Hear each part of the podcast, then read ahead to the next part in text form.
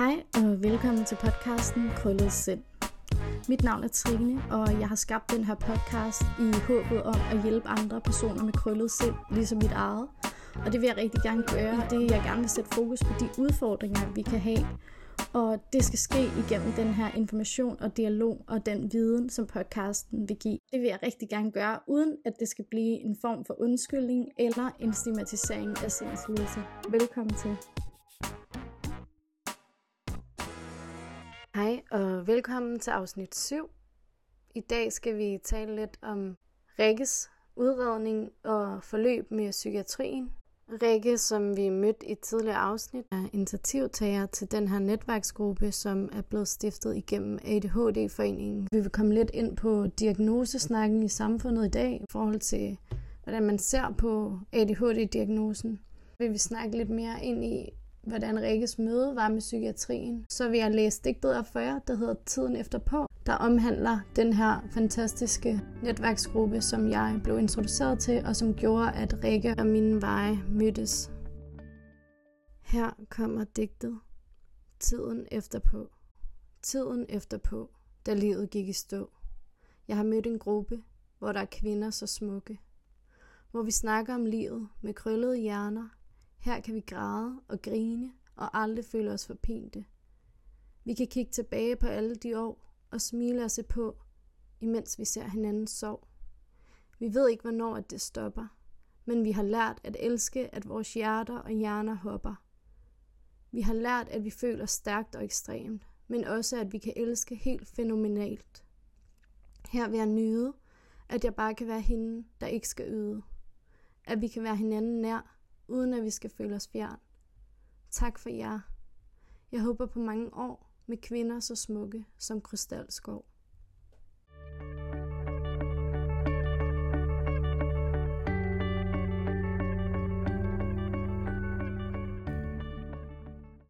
Nå, Rikke, jeg tænker, øh, nu har du fortalt lidt om, hvordan du blev udredt og så videre. Og så tænker jeg, om du havde lyst til også at dele dit udredningsforløb, sådan så at vi har lidt forskelligt, både fra hvordan en udredning ser ud, når man er et barn, og hvordan det så kan se ud, hvis man bliver diagnostiseret som voksen. Ja. Jamen, nu kom vi også ind på det før, i forhold til det her med divaen, og jeg fortalte lidt om, hvordan det havde været til at starte med. Men øhm, jeg har fundet min epikrise frem, som det hedder, fra øh, hvad hedder det, Københavns Psykiatri, som var ligesom den altså sådan en gennemgang, de lavede mit forløb før, at de viderestillede mig til Heimdal, hvor jeg sådan jo for første gang skulle behandles, eller man kan sige, for min ADHD. Mm. Øhm, men ja, der står resume af behandlingsforløb. 29-årig kvinde, som er gift og har en datter på to år, har været tilknyttet hospitalet med depressionsforløb mellem januar og april i 2022, og hun er henvist med henblik på behandling af periodisk depression af moderat grad. Så står der, at jeg har været på noget citralin, øhm, som jeg tog 100 mikrogram af. Og så har hun skrevet, at jeg læser psykologi. Det gør jeg altså ikke. Jeg har læst psykologi, jeg læser socialt arbejde. Ja. Men ja, og at jeg skriver speciale, og at jeg nu var sygemeldt, men at jeg skulle aflevere mit speciale øh, i slutningen af 22. Og så har hun skrevet, at min depressionstilstand, den skønnes at være trækket af en oplev altså af det pres, jeg oplevede i forhold til min specialskrivning. Mm. Øhm, og ligesom også den angst og præstationskrav, der lå i specialskrivningen. Og har hun skrevet, at de har rejst mistanke om præmobil ADHD, og så skriver hun, at jeg er rigtig god til at genkende mig selv i diagnosen, og at der er blevet afprøvet koncerter øhm, og elvanse i små doser. Skiftede de mig over til elvanse, før jeg egentlig faktisk havde fået min, min ADHD-diagnose. Og så har hun skrevet, at de har hjulpet mig med at få tilknyttet SPS under mit speciale forløb, som er det her studiestøtte, med at lave sådan en øh, udtalelse eller henvisning ja. til universitetet. Det står ikke engang, hvornår det startede. Jeg tror, der var noget ventetid, som jeg husker, det tog lige et par måneder måske. Ja. Der står der noget med en, en forebyggelses- og sundhedsfremmende plan, at det ikke afsluttet. Nej, der står slet ikke noget. under. Okay. Så der tror jeg ikke rigtigt, der var, Der var ikke nogen plan. der var ikke anden plan, end jeg skulle fortsætte der. Øh, Okay. Og hvordan var det så hele forløbet efter? mm, Sådan. Altså jeg kan huske, da jeg sådan startede ved privathospitalet, at det også var lidt specielt. Jeg fik sådan en telefonsamtale med en psykolog. Han var jo et rigtig sød, men hvor han stillede mig de der lidt mere dybdegående spørgsmål. Og der var det jo også det der med, at normalt så vil de gerne have, at man har nogle pårørende med. Mm. Det kunne så ikke lige lade sig gøre. Øh, min søster havde også tænkt, hun ville tage med, men det lod sig ikke lige gøre den dag. Og vi endte med at tage interviewet i en bil. Men ja, jeg synes, det var en rigtig fin snak og sådan noget. Der var han jo også bare meget sådan, jamen det lyder rigtig fint i Mm. forhold til, at du startede medicinen, og det nok er det. Og så skulle jeg lave den der diva. Det Ja. var jo bare et spørgeskema. Ja.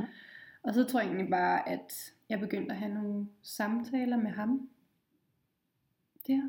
Ja. Eller også var det bare medicin i starten. Kun det var medicin, der var faktisk ikke noget psykologsamtale til at starte med. Nej. Mm.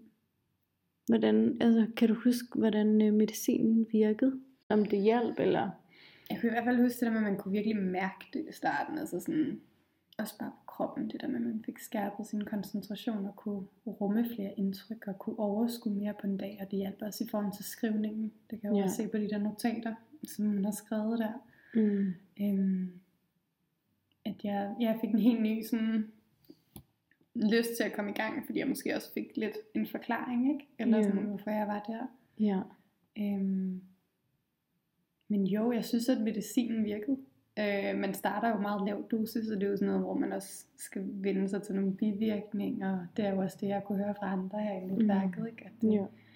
det tager ligesom også noget tid, før man kommer op på en dosis, hvor at man kan mærke, nu er det, nu er det Mhm. der, jeg er stabil, eller det er der, hvor det fungerer. Ja.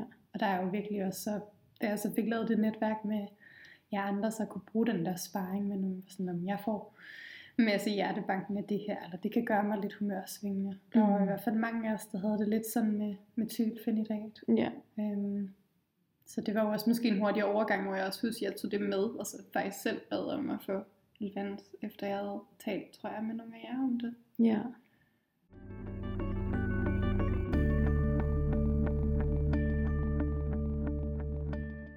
Nu går vi jo i det her netværk, hvor vi er unge, Mm. og du er jo den eneste, Mit Der har barn, ja, et barn. det er rigtigt. Hvordan oplever du det, sådan livet som mor med ADHD? Er det noget, du mærker sådan er anderledes, eller snakker med nogen om, godt kan være hårdere nogle gange, eller føler du, at, at du sådan kan nogle andre ting, fordi du har en anden slags superkraft?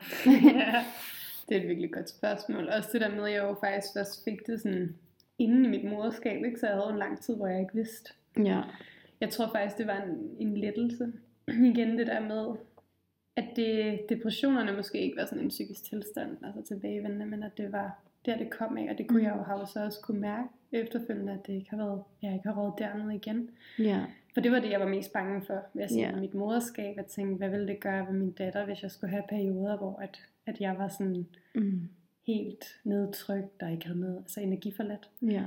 Øhm, så på den måde synes jeg ikke, der har været, altså sådan, så var jeg heldigvis også færdig med amning, for det er sådan nogle ting, jeg også kan fornemme, at mange ellers tænker over, når man ser i de der Facebook-grupper og sådan noget med andre med ADHD, Mm. hvad betyder det at tage medicin, når man er gravid og amme? Ja. Det har jo været sådan lidt forskånet for, men jeg har jo altid været øhm, sådan meget øh, i mit eget hoved og fuld af fantasi og leg, og det har jeg i hvert fald kunne bruge meget ikke, med hende. Mm. Øhm, og måske ja, nemmere ved at, at finde for sjov og spas og være lidt mere pytknap med mange ting. Mm. øhm, svært nogle gange det der med, at, og sådan, at man kan adskille Mm. ADHD'en og hvad er mig. Ja. Det øh, var jo sådan noget, jeg kæmpede meget med i starten. Jeg tror også, vi har haft mange snakke her sammen om i, i netværket. Ikke? Mm. Det der med sådan, hjælper det at se det som, det er min ADHD, der gør, at mm. det Mm. her er svært. Eller Ja. er det bare noget i mig? Fordi Ja. jeg har i hvert fald altid set det sådan, også efter jeg fik diagnosen, som om, at det er bare en, en måde, jeg kan forstå mig selv på, eller andre kan forstå mig på, især systemet, ikke? Jo. øhm, Det er der meget af. Ja, at Ja. det har været et redskab på den måde til sådan at være lidt mere mild med mig selv over for nogle af de udfordringer, jeg har. Ja. Men jeg tror ikke, at jeg sådan alene kan sådan, øh, altså koble det væk fra mig. Også når jeg så har nogle udfordringer, så er jeg sådan, om jeg, jeg har jo også nogle kognitive redskaber, jeg har også nogle ting, jeg kan gøre for at, at regulere de ting, der så er ved, at min hjerne måske ikke danner så meget dopamin, eller hvad det Ja, er, ikke? Eller sådan, at den ikke øh, arbejder på samme måde som en anden hjerne. Så Hvad er det for nogle redskaber, sådan, hvis nu vi skal ja, dele lidt ud af gaveposen? ja. strategier eller præcis. er. Ja, altså sådan, jeg tror, for mig jeg har altid været sådan meget øhm, en multitasker og en person, der skulle gøre rigtig mange ting samtidig og have tusind ting i gang og Mm. elskede at have travlt og lave meget og det har jeg lært efter min diagnose, at øhm, det nogle gange ikke er det bedste for min, min hjerne og min koncentration, men at, at øh, det der med nogle gange at være i, i enkelte ting og fordybe sig, øh, kan også styrke eller gøre det nemmere for mig med min ADHD. Mm. At sådan skærme mig selv for for mange indtryk Ja. på en god måde. Mindfulness, meditation, yoga og sådan noget, jeg altid har strittet enormt meget på. Altså Ja. sådan også når jeg tidligere har haft det svært psykisk, er der mange, der har peget den vej, Mm. mm. hvor jeg virkelig har, det har hængt mig langt ud af halsen, og jeg kunne ikke komme tilbage i min krop, og jeg kunne slet Mm. ikke uh, ligge mig ned og slappe af i den. Mm-mm. Og de der ting, der skulle mærke dine fødder og sådan noget, jeg Ja. strittede helt, ikke? Ja. Hvor at, at Mm. det ved jeg ikke, om det er også medicinen, der har været med til at gøre det nemmere, men, men nu er det i hvert fald en kæmpe gave, når jeg så får lavet øvelser, eller yoga, eller meditation, så kan jeg sådan komme tilbage til mig selv, Ja. og til mit fokus. Ja, fedt.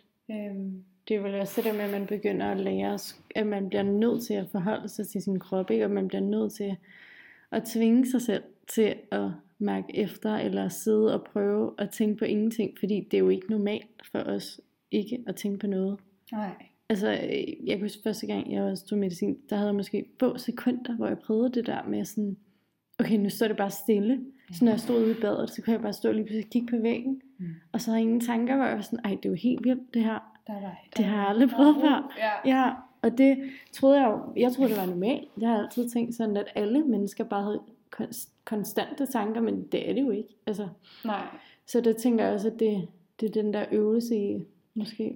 Altså medicinen føler jeg er sådan er en buffer for det, ikke? at den, Mm. den gør det nemmere og hurtigere at komme tilbage til Ja. ja. roen og grounde sig selv. Ikke? Jo.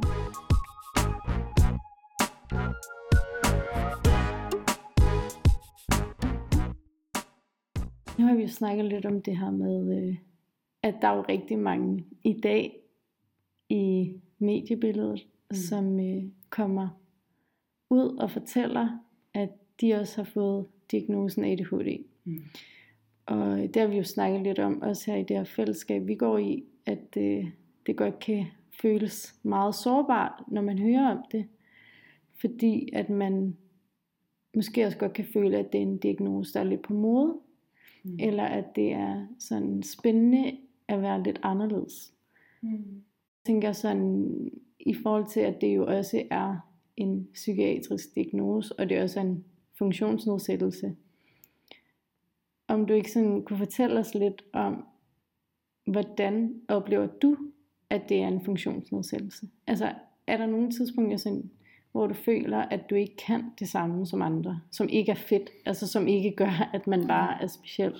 Helt klart. Jeg skulle strukturere nogle store projekter, eller Ja. store opgaver, at det var ikke naturligt for mig, fordi hjernen laver det der med, at den hurtigere hopper ud af en tangent, og mange ting bliver interessant og spændende. Ikke? Mm. Øhm, og der tror jeg også, det er også, jeg kunne mærke på jer piger i netværket, at vi har haft den der fælles følelse af, at man har kamufleret det udad til, at man har Ja, prøvet at overkompensere eller overpræstere, så man virkede som om man havde styr på rigtig meget og Mm. overskud, selvom at Ja. man godt vidste, det Ja. har jeg ikke, eller sådan, det kan Ja. jeg ikke. Altså sådan, og det tror jeg har været og er stadig svært for mange, også i min omgangskreds og min nærmeste familie, at forstå det der med, hvorfor kan du ikke bare gøre det her, eller sådan, hvorfor kan du ikke sætte dig ned og, mm. og gå i gang, eller få gjort det der, hvor man Mm. men er sådan, altså, ja, det er ikke fordi, jeg ikke, altså, jeg føler også selv sådan, I, I har jo evnerne, men, men der er sådan et eller andet,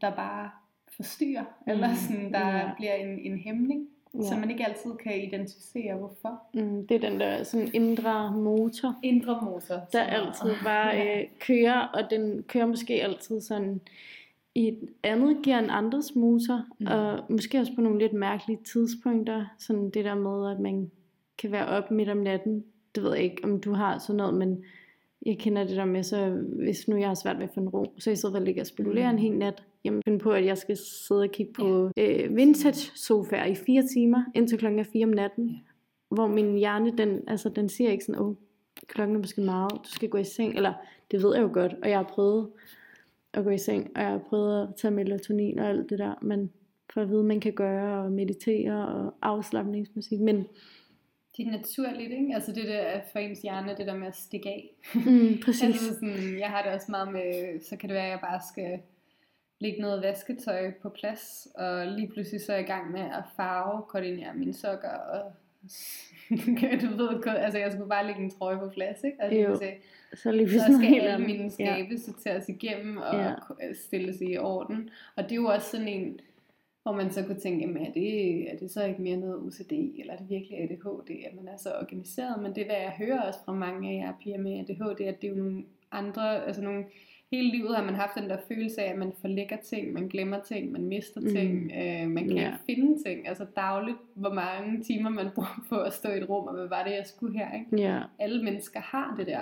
Det ved jeg jo også fra alle dem mine neurotypiske venner eller Mm. bekendte, at de kan jo også have det der med at stå i et rum og være sådan, hvad var det, jeg skulle? mm, Men vi har, altså mange af os har det jo bare 20 gange på en dag, ikke? ja, Altså hvor vi står lige pludselig og sådan, jeg skulle lave noget kaffe, men nu er jeg i gang med noget helt andet. Det er jo også det, hvis man så skal sidde og skrive noget stort eller et eller andet, så får man lyst til at løbe ned i et eller andet spændende metode, eller man får en idé til Mm. noget helt nyt. ja, og så mister man bare kontrollen, fordi man synes, det er spændende, Mm. Og det er jo super godt, men det var ikke altid det bedste, sådan, hvis nu man virkelig skal aflevere en opgave til tiden. Eller sådan, der er 10 minutter til, at man begynder at, nørde ned i en eller anden mærkelig detalje. Men, men jeg tænker sådan, det her, vi nævner, det er jo små ting. Yeah. Øhm, og funktions... store, ikke? Ja, det er rigtigt. når de akkumulerer sig. Det er rigtigt. Men jeg tænker også, at, at sådan noget som depressioner, Mm. altså er ikke noget, Nej.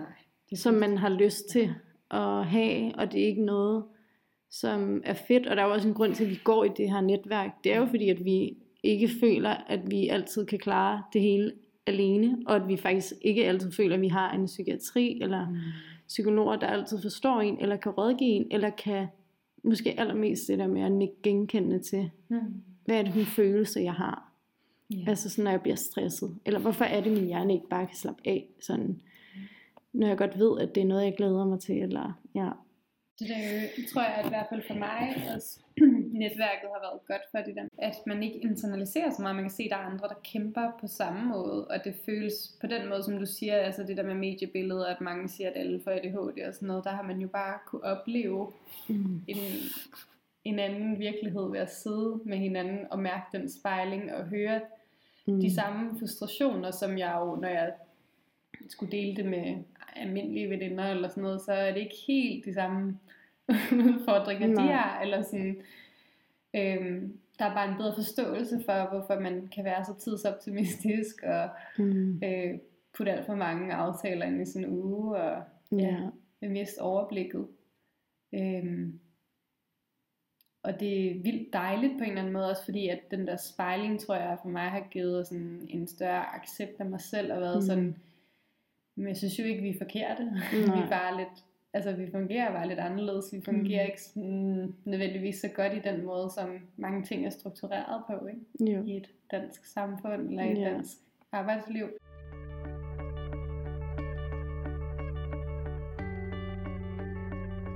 Jeg har også talt meget om, hvad er det sådan for nogle øh, karrierevalg, og hvad for nogle arbejdssituationer fungerer så, fordi Mm. der er jo også nogle ting, hvor vi er Ja. virkelig gode, når vi bare skal være på, eller være i Ja. os selv, eller hvis det er kortere øh, arbejdsopgaver, eller med mange skifte, så er der mange af os, der trives rigtig godt i det. Ikke? Mm. Jo. Øh, så det har det virkelig gjort for mig også, det der med, når jeg skulle blive færdig med uddannelsen, skal jeg have et djøf-job med store projekt-deadlines og sådan noget, det kan jeg jo godt se. Det, det kommer nok ikke til at være noget, jeg trives i. Og det er jo også bare en, en en helt fin ting, og sådan skal vi alle Ja. sammen jo ikke være. At man Nej. har måske lagt det pres i højere grad på sig selv, før Mm. diagnosen, at det skal jeg kunne, dem i min omgangskreds kan det. Ja. Men, men man finder jo så ud af det der med, altså sådan er alle mennesker jo ikke, og Mm. mm. sådan behøves jeg jo ikke være. Nej, du kan, også, du kan jo også godt have sådan et job som en person med ADHD, men du kan også have alle mulige andre. Altså, de- vi har jo masser her i gruppen, som har også er Mm. højt uddannet og arbejder med alle mulige forskellige fag. Ja, Så det er jo heller ikke, fordi man det det. skal arbejde med noget praktisk, fordi man har ADHD, men måske betyder den der spejling så meget, fordi at, at man ikke altid har kunne spejle sig i andre mennesker. Ikke? Og det er det, der har gjort, som jeg snakker om til at starte med, sådan at man måske kan føle sig ensom nogle gange, fordi at jamen, når jeg siger, at jeg har det sådan her, så kan man godt tit opleve, at folk sidder og kigger sådan lidt underligt på en, eller kigger lidt væk og sådan, hvorfor er det så svært for dig at komme til tiden, eller hvorfor kan du ikke bare planlægge din tid, eller hvorfor kan du ikke bare lade være med lige at udbryde, hvad det er, du mener hele tiden. Det er jo alle mulige ting, men hvor at andre mennesker har nemmere ved at regulere det. Det er virkelig vigtigt også, at, at vi måske især repræsenterer nogen, som også siger, det er sgu ikke altid fedt at have ADHD i det her samfund, vi lever i. Mm. Jeg kan være med til at give det en større rumhed. Ikke? Altså, nu Jo. føler jeg også, at der er blevet meget mere plads til... Men altså, der er mange i arbejdslivet, der har gjort plads til ja, autisme-spektrumforstyrrelser og en forståelse for deres kompetencer, og hvordan de kan være helt vildt Mm. dygtige til nogle ting, og Ja. have nogle andre måske begrænsninger med nogle sociale kompetencer. Ja, Øh, og der er også nogle med ADHD, der har øh, udfordringer med sociale kompetencer, Mm. mm. men jeg føler også, at vi mange er sådan nogle små satellitter, hvad man kan mærke, hvad jeg bliver. Vi har også nogle forser der, men så har man måske nogle andre øh, udfordringer, mm. og som, som altså stadig kan passe ind i, i en arbejdsplads, hvis man tør at være åben og rummelig Ja. yeah. over for det. Men det er også svært, øh, fordi at det kræver, at nogen tør stå frem, ja. og man vil altid have den der frygt for stempling. Altså, det Ja. er også noget, vi har snakket om. Siger man det til en ny arbejdsgiver, Mm. skriver man det på sit CV, ikke? Ja. øhm, ja, Men som du siger, der er jo, det er jo også det, der har været godt ved at se netværket, at folk laver alt muligt forskelligt, og mm. der er mange, der har en, et liv, hvor man slet ikke, du ville aldrig have gættet, de havde ADHD med de flotte præstationer og de Mm. mm. øh, ja. krævende øh, jobs, de har. Øh, Ja, men det er jo så bare også nogle gange det, der er lidt ærgerligt ved det, fordi Mm. så gemmer man det væk, ikke? Altså, man kan godt gemme, selvom man har gjort sådan nogle gode præstationer i forhold til uddannelse og sådan noget, men, men der er jo mindre og mindre sådan noget med at kunne tænke ud af boksen, eller være lidt impulsiv, eller komme, kaste en masse bolde op i luften, altså fordi vi har meget mere struktureret Mm. tilgang til at arbejde med, altså Mm. Alting skal være i modeller og bokse ud fra strategier. Og øh, jeg har arbejdet HK i nogle år også, hvor det også var altså, sådan noget som statistikker, præstere og skulle levere et stykke arbejde hele tiden. Øhm, Og evalueringer. ja, ja. hvor jeg bare var sådan, jamen hvorfor skal vi bruge så meget tid på det, når vi kan gøre alt det her over Mm. øh, og få meget større resultater. Men det, det er også det der nogle gange med, at man ikke kan få andre med på det. De kan ikke se det. Det er også det, der er en god ledelse sådan nogle steder, at kunne sætte de ting i spil, men det har en Mm. leder jo så måske også brug for at vide, hvad det er, at man har sådan Mm. Fordele eller, eller sådan styrker ved sin personlighed, og der tror jeg, at ADHD kan det være noget, der kan forklare noget for en leder, men, men man, man er jo også nervøs for, um, tænker Mm. de så, at jeg ikke kan møde deadlines, eller tænker de så, at jeg, altså Ja. sådan, det er jo, det er det, der nogle gange også gør det svært, ikke? Altså Mm. sådan, hvor skal jeg placere mig selv, og hvornår skal jeg introducere den her del af mig selv Ja. øh, i mit arbejdsliv. Også noget, man opbygger et mod til, når man lærer selv at hvile i det. Og når man er ny i en diagnose, så skal Ja. man lige finde ud af at, at lande den. Ja. Øhm, Ja, og så lære det der med, og måske også takle, hvad er det, der kan skræmme andre mennesker væk. Altså det der med, at man altid har en mening om alting, eller man godt kan være impulsiv i måden, man siger tingene på, eller være meget ærlig. Altså sådan det der med at blive opmærksom på, okay, måske er det ikke lige der, jeg skal sige det, eller måske skal jeg lige tænke mm. lidt, før jeg taler. Altså, og det er jo sådan nogle bitte, bitte små ting, men det lærer man jo også med tiden.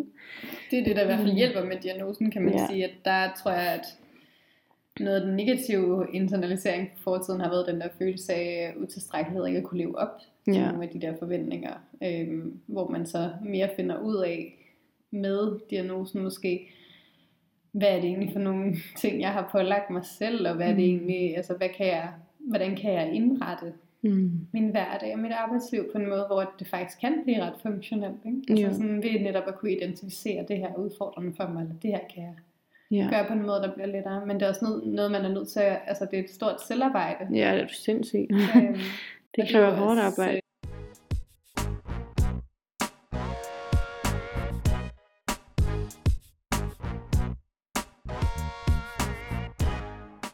Jeg har også tid til underlige selvhjælpsbøger og Mm. mm. fundet alle mulige ting, og, og de kan også nogle gange være lavet til mennesker, der ikke har ADHD, ikke? Mm. Eller sådan. Ja. Øhm, Og så bliver man frustreret over, at det ikke virker. ja. Ja. Så det, det er jo altid en balance, men det er jo det vigtigste er, er jo også bare, man kan tage det med, man kan fra, ja, der er findes af, af selvhjælpsbøger og viden om diagnosen, og så kan man Mm. mm. finde nogle af sine egne løsninger og strategier. Ja, og så den her gruppe, som du har været tårholder for. Det er jo en virkelig, virkelig, virkelig god måde at arbejde med alting på. Jeg ved sådan altid, hvis jeg har haft to dårlige uger, eller en eller anden ting, der er sket på studiet, sådan noget gruppesamarbejde, et eller andet, Mm. så jeg kan altid komme her, og så lufte, Mm. og jeg har altid, alle har altid en holdning til, hvordan jeg kan løse det, og det er jo så fantastisk, fordi Ja. tit når man kommer til andre mennesker, så er de sådan, nå, Mm. ja, det er nok bare dig, der måske, ah, der skal du måske lige skrue lidt ned der, eller Mm. måske skal du lade være med lige at tage tingene så tungt, eller tage det så nært, hvor man er sådan, Mm. jamen, det er jo en del af mig, altså, jeg føler alting stærkt, jeg kan ikke bare Mm. slå det ud af hovedet, som du kan, for jeg har en hjerne, der kører 24-7. Mm. Men når man kommer her, så ved man, okay, jeg bliver taget alvorligt. De ved godt, hvad jeg mener, når jeg siger, "Men det kan jeg ikke bare. Så det bliver aldrig en, det vil aldrig være et løsningsforslag, du vil komme med. Fordi du ved jo godt, sådan, at vi fungerer på en anden måde. Altså for spejlingen. Det er sindssygt Ja. vigtigt for de der ensomhedsfølelser og følelser Mm. af at ja, Ja. være anderledes eller forkert.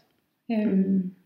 At mærke det der med, der sidder jo nogle mega seje piger, Ja, som, som også har udfordringer, men som kæmper og klarer det helt vildt fedt. Ikke? Altså jeg tror, at det var virkelig styrken for mig. Ikke? Og så se, at det kan se sådan ud. Fordi at de der sådan, idéer om, hvad er en person med ADHD, før man møder nogen andre med nej, det. det er rigtigt. Og så finde ud af, at de faktisk er rimelig normale mennesker. Ja. Ja, men også bare har et narrativ, der ændres. Altså mit narrativ er blevet meget mere positivt, fordi at jeg ved sådan, okay, det er jo ikke noget, nogen kan gøre for. Det er jo ikke nogen skyld, eller sådan, jeg fungerer bare lidt anderledes på en anden måde, men det er også en styrke på rigtig mange måder, hvis man lærer at håndtere udfordringer, eller man lærer at se perspektivet for andre mennesker, ikke?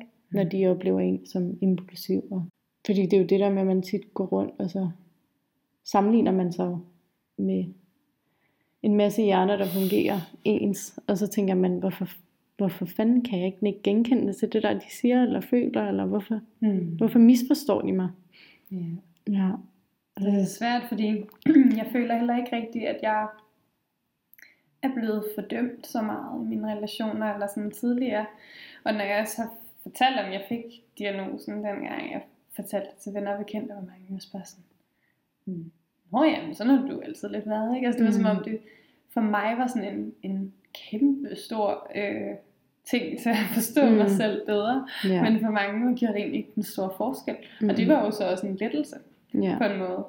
At jeg følte ikke, at det nødvendigvis var en stempling af de gange, man har sagt det. Hvis jeg har taget rigtig pænt imod det. ja.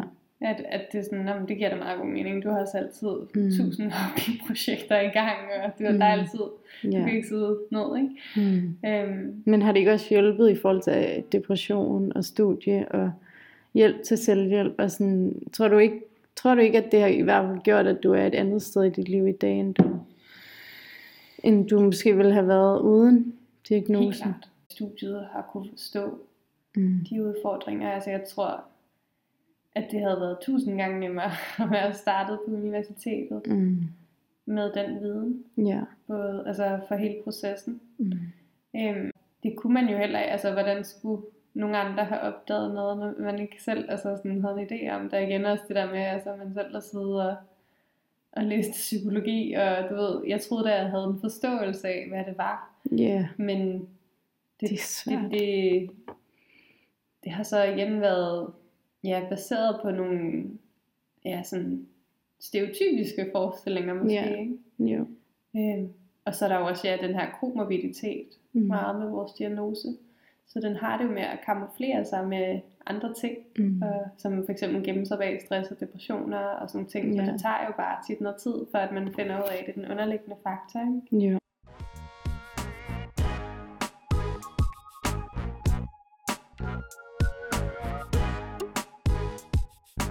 Så man kan sige, det er jo godt, at der er mere opmærksomhed på det, så flere mennesker kan få hjælp.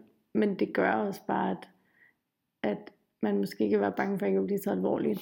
Hvis man har stået med nogle alvorlige depressioner i sit liv, og man har stået med en masse Mm. ting, der har gjort, at man ikke har kunne yde det samme som andre. Og der er det bare super vigtigt, synes jeg, at vi også husker på sådan, at man får kun ADHD, fordi at man også har et liv, der ikke fungerer optimalt. Mm. Og man ønsker ikke at sætte prædikat på sig selv, fordi det er spændende. Og vi aner jo heller ikke om alle de mennesker, der siger i mediebilledet, at de har fået diagnosen, om de har været hos en psykiater, eller hvordan deres liv har været førhen. Det aner vi jo ikke noget om. Men, men det er i hvert fald bare vigtigt, at man værner om det på en måde, hvor at man også tænker, det er en psykisk funktionsnedsættelse, og det er derfor, man får den, for at få noget hjælp til et bedre liv. Det er jo også rart på en måde, at de træk, som ligger i det, er normale, og at, at noget folk kan genkende sig i. Og det er måske også derfor, at den er nem, eller en af de, ikke, den er nem at få, men folk siger lidt det der med, at den er sådan en bolsjediagnose, ikke? der bliver uddelt, fordi, den, fordi der er mange af de symptomer, som måske vi alle sammen kan have lidt Mm. i vores liv. Mm. Men, men det er måske også derfor, man skal tænke det som et spektrum, ligesom med Ja. autismen, den savner Ja. jeg lidt i dialogen, at Ja. at der skal være plads til, at vi har ADHD på forskellige måder, men også være plads til, at vi har det i forskellige sværhedsgrader. Ja, og måske også bare, at hvis man bliver tilbudt medicin, så er det jo ikke fordi, at man bruger det som noget study drug, fordi man gerne vil skrive en god opgave. Altså, der er jo sindssygt mange bivirkninger, også ved at tage det her medicin, som man hver dag også skal kæmpe med, fordi at man ved, okay, det passer eller. Altså sådan, og at, øh, at medicinen tager man jo kun, fordi at man ellers ikke kan få hverdagen til at fungere. Øhm, og hvis man tager det og ikke har ADHD, så virker det jo også helt anderledes. Ja, så er der jo også mange også med ADHD, der tager det her langtids- og depotvirkende, selvom man også tager det hurtigt virkende. Altså det kan jo det er også rigtig fint, og der er også mange af os, der har prøvet af, men de her depotpræparater, dem, dem tror jeg ikke fungerer som et study drug for nogen. Nej. Fordi de, det er jo ikke noget, der er sådan et, et quick fix. Det er Nej. en langtidsregulering af ens hjerne. Og der er jo også alt det med det emotionelle. Mm. Altså med at kunne regulere sine følelser og ikke bare handle med reptilhjernen. Det er jo også sådan noget, det er med til at stabilisere.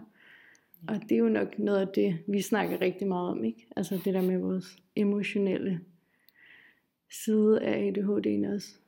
At, øh, at det kræver meget selvregulering hele tiden. Mm. Øhm, men det gør jo også, at vi er som vi er, at vi også vi overelsker os, Ja.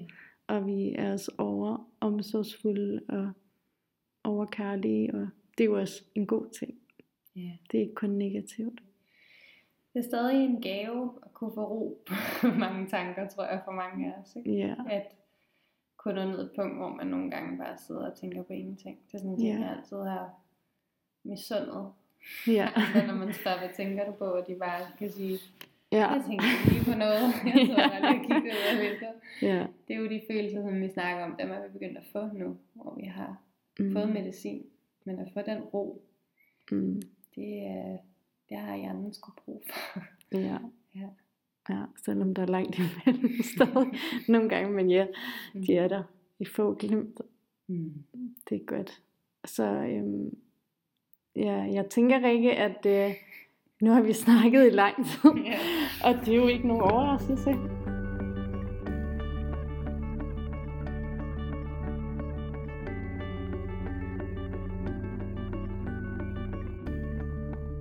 Jeg vil bare sige tak for, at øh, du har været tårholder for at samle den her gruppe, og for at øh, introducere mig til fællesskabet.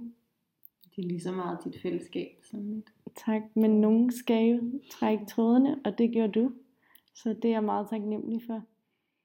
Lige måde. Jeg, jeg synes, det er rigtig fedt, at du laver den her podcast. Og jeg håber, at der sidder nogen derude, som måske også er lidt i, i limboland, eller lige har fået diagnosen og savner noget, som kan få nogle svar.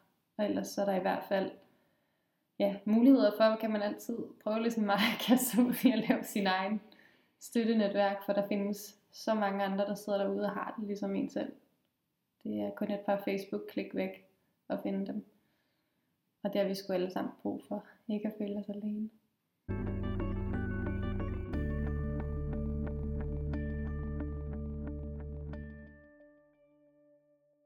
Tak fordi du lyttede med i dagens afsnit. Og endnu en gang, tusind tak til Rikke for, at hun har givet at være med i podcasten, at hun har givet at dele sin historie og fortælle lidt om, hvordan hendes rejse har været, og hvordan det også har påvirket hendes rolle som mor.